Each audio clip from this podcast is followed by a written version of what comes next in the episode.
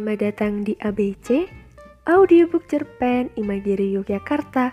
Bersama aku, Dia, yang akan membawakan sebuah cerita pendek dengan judul Apa yang kamu tuai, itu yang kamu tanam. Cerita ini ditulis oleh Gia Muinatul Ummah, seorang mahasiswa di Universitas Ahmad Dahlan. Langsung saja, selamat menikmati teman-teman. Apa yang kamu tuai, itu yang kamu tanam. Menikmati senja di ujung sawah, Baskara, seorang anak tunggal yang sudah ditinggal ibunya meninggal sejak umur tiga tahun, kini ia menunggu ayahnya yang sedang bersiap-siap pulang selepas bekerja di sawah.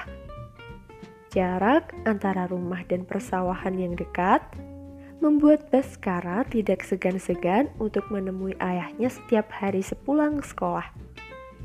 Kadang ditemani oleh Lengkara dan Rawi, dua sahabatnya. Tiga sejoli itu berusia 9 tahun dan tengah duduk di bangku sekolah dasar satu Amerta. Nampaknya ayah Baskara telah selesai ia melangkahkan kakinya sambil memikul cangkul di pundak kirinya dan rantang makanan di tangan kanannya. Lalu menghampiri Baskara yang tengah anteng memandangi senja sore kala itu. Mari pulang nak, ucap Jagat, ayah Baskara. Teman-temanmu tidak datang hari ini menggelengkan kepala. Tidak ya, mereka main sepak bola di lapangan. Jawabnya. Mengapa kamu tidak ikut? Hmm, aku lebih suka menikmati senja di sawah daripada harus bermain sepak bola yang selalu curang dan tidak jujur dalam permainannya.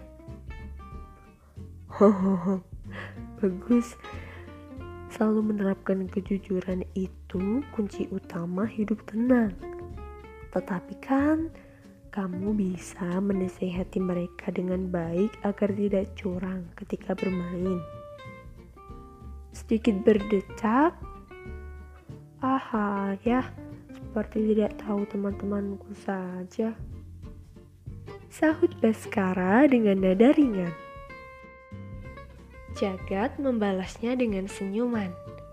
Mereka melanjutkan perjalanan di tengah-tengah langit yang sudah mulai meredup. Pak Jagat adalah seorang yang terkenal bijak dan jujur. Kemudian hal itulah yang diajarkan kepada Baskara, putranya. Didikannya itu berhasil mengajarkan Baskara menjadi anak yang selalu jujur dalam hal apa pun. Sesampainya di rumah, mereka bergantian untuk pergi ke kamar mandi. Seperti biasa, Pak Jagat dan Baskara melaksanakan sholat maghrib berjamaah di masjid. Keluar dari masjid, Baskara bertemu dengan Lengkara dan Rawi yang sama-sama melaksanakan sholat maghrib di sana. Eh Baskara, besok main sepak bola yuk ajak Rawi. Iya nih, masak anak laki-laki gak pernah main, payah. Sambung Lengkara.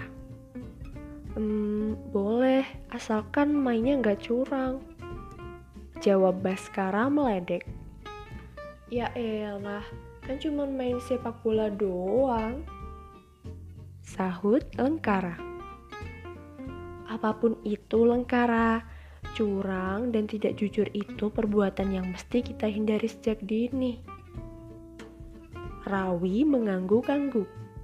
Kemudian datanglah Pak Jagat bersama Pak Anhar yang merupakan salah satu guru mereka di sekolah. Dengan nada pelan, betul itu Lengkara. Harusnya kamu bisa menerapkan nilai-nilai kejujuran dalam kehidupan sehari-hari seperti halnya bermain sepak bola, tidak boleh curang. Sekarang saya tanya, selama ini sudah memenangkan pertandingan berapa kali? Rawi menjawab dengan jujur. Satu kali doang, Pak. Lengkara menyinggol tangan Rawi lalu menjawab. Menang atau tidak itu bukan urusan Bapak. Ini urusan kita, anak-anak bukan bapak-bapak. Assalamualaikum. Ucap Lengkara dengan nada kesal sambil menggeret tangan Rawi dan meninggalkan masjid. Astagfirullahaladzim. Ucap Pak Jagat, Pak Anhar, dan Baskara secara serentak. Lalu, Pak Jagat dan Baskara berpamitan dengan Pak Anhar.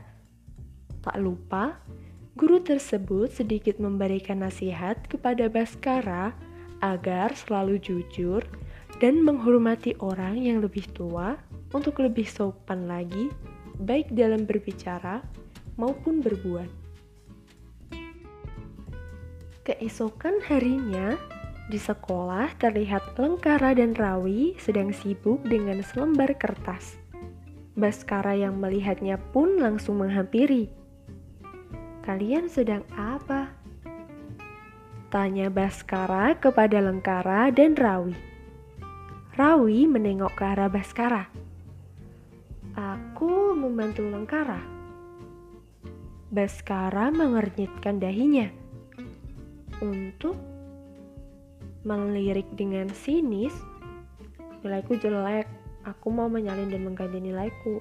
Mau bilang apa sama orang tuaku kalau nilaiku jelek? Jawab Lengkara. Menghela nafas, tidak baik membohongi orang tua. Nanti kena karma loh. Ujar Baskara. Emang apa karmanya? Tanya Rawi polos. Udahlah Bas, kamu gak usah ikut campur terus. Tegas Lengkara. Oh ya udah, yang penting aku sudah mengingatkan sambil kembali ke tempat duduknya. Lengkara tetap bersikeras untuk membohongi orang tuanya karena takut dimarahi apabila mengetahui nilainya jelek. Baskara pun sudah menyerah untuk mengingatkan. Ucapannya tak mungkin didengarkan. Semenjak itu, Lengkara tidak terlihat masuk sekolah selama empat hari. Ternyata ia dikabarkan habis jatuh dari sepeda yang mengakibatkan banyak luka di tubuhnya. Kejadian itu tepat sekali setelah Lengkara memberikan secarik lembar hasil ujian yang sudah digantinya dengan nilai yang bagus. Mendengar hal tersebut, Baskara dan Rawi kemudian menjenguk Lengkara di rumahnya sepulang sekolah. Tibanya di rumah Lengkara, Baskara dan Rawi diantarkan ibu Lengkara untuk masuk ke dalam rumah dan menemui Lengkara. Pantas saja tidak masuk, ternyata habis jatuh dari sepeda.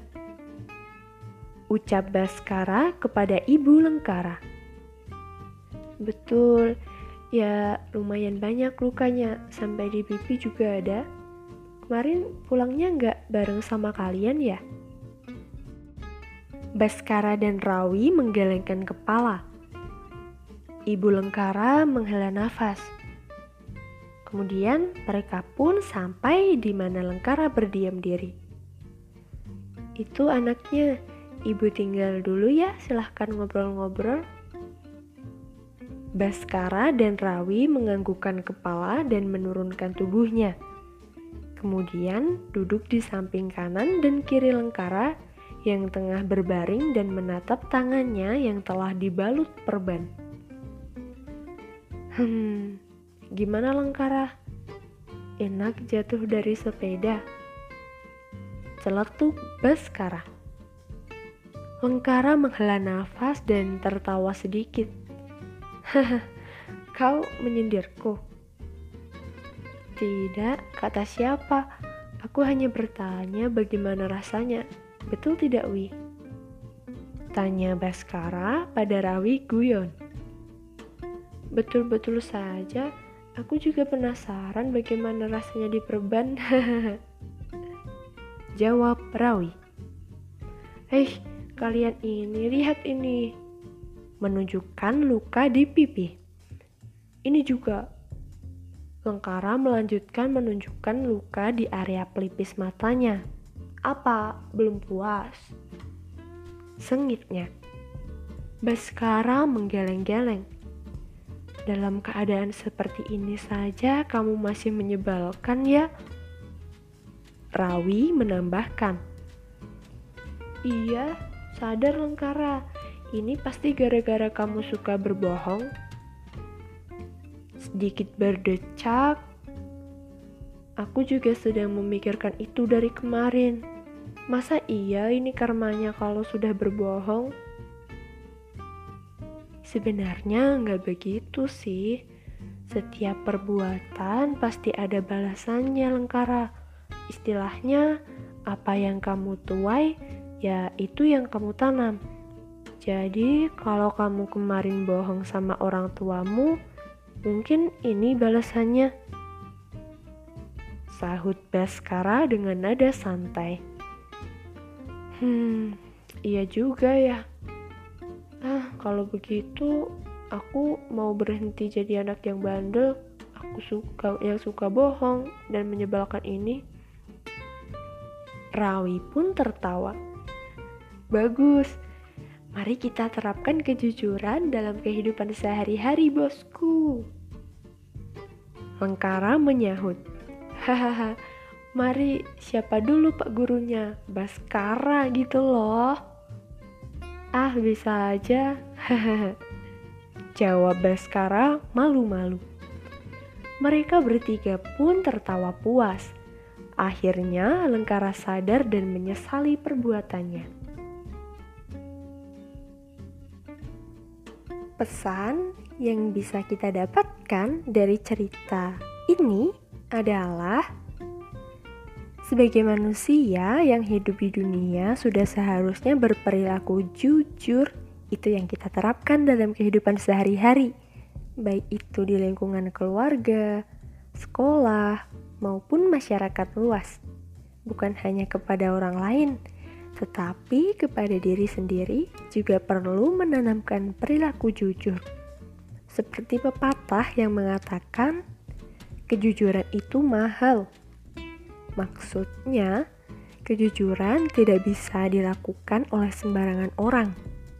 Maka, jadilah orang itu, orang yang selalu mengudarakan kejujuran di setiap langkahnya.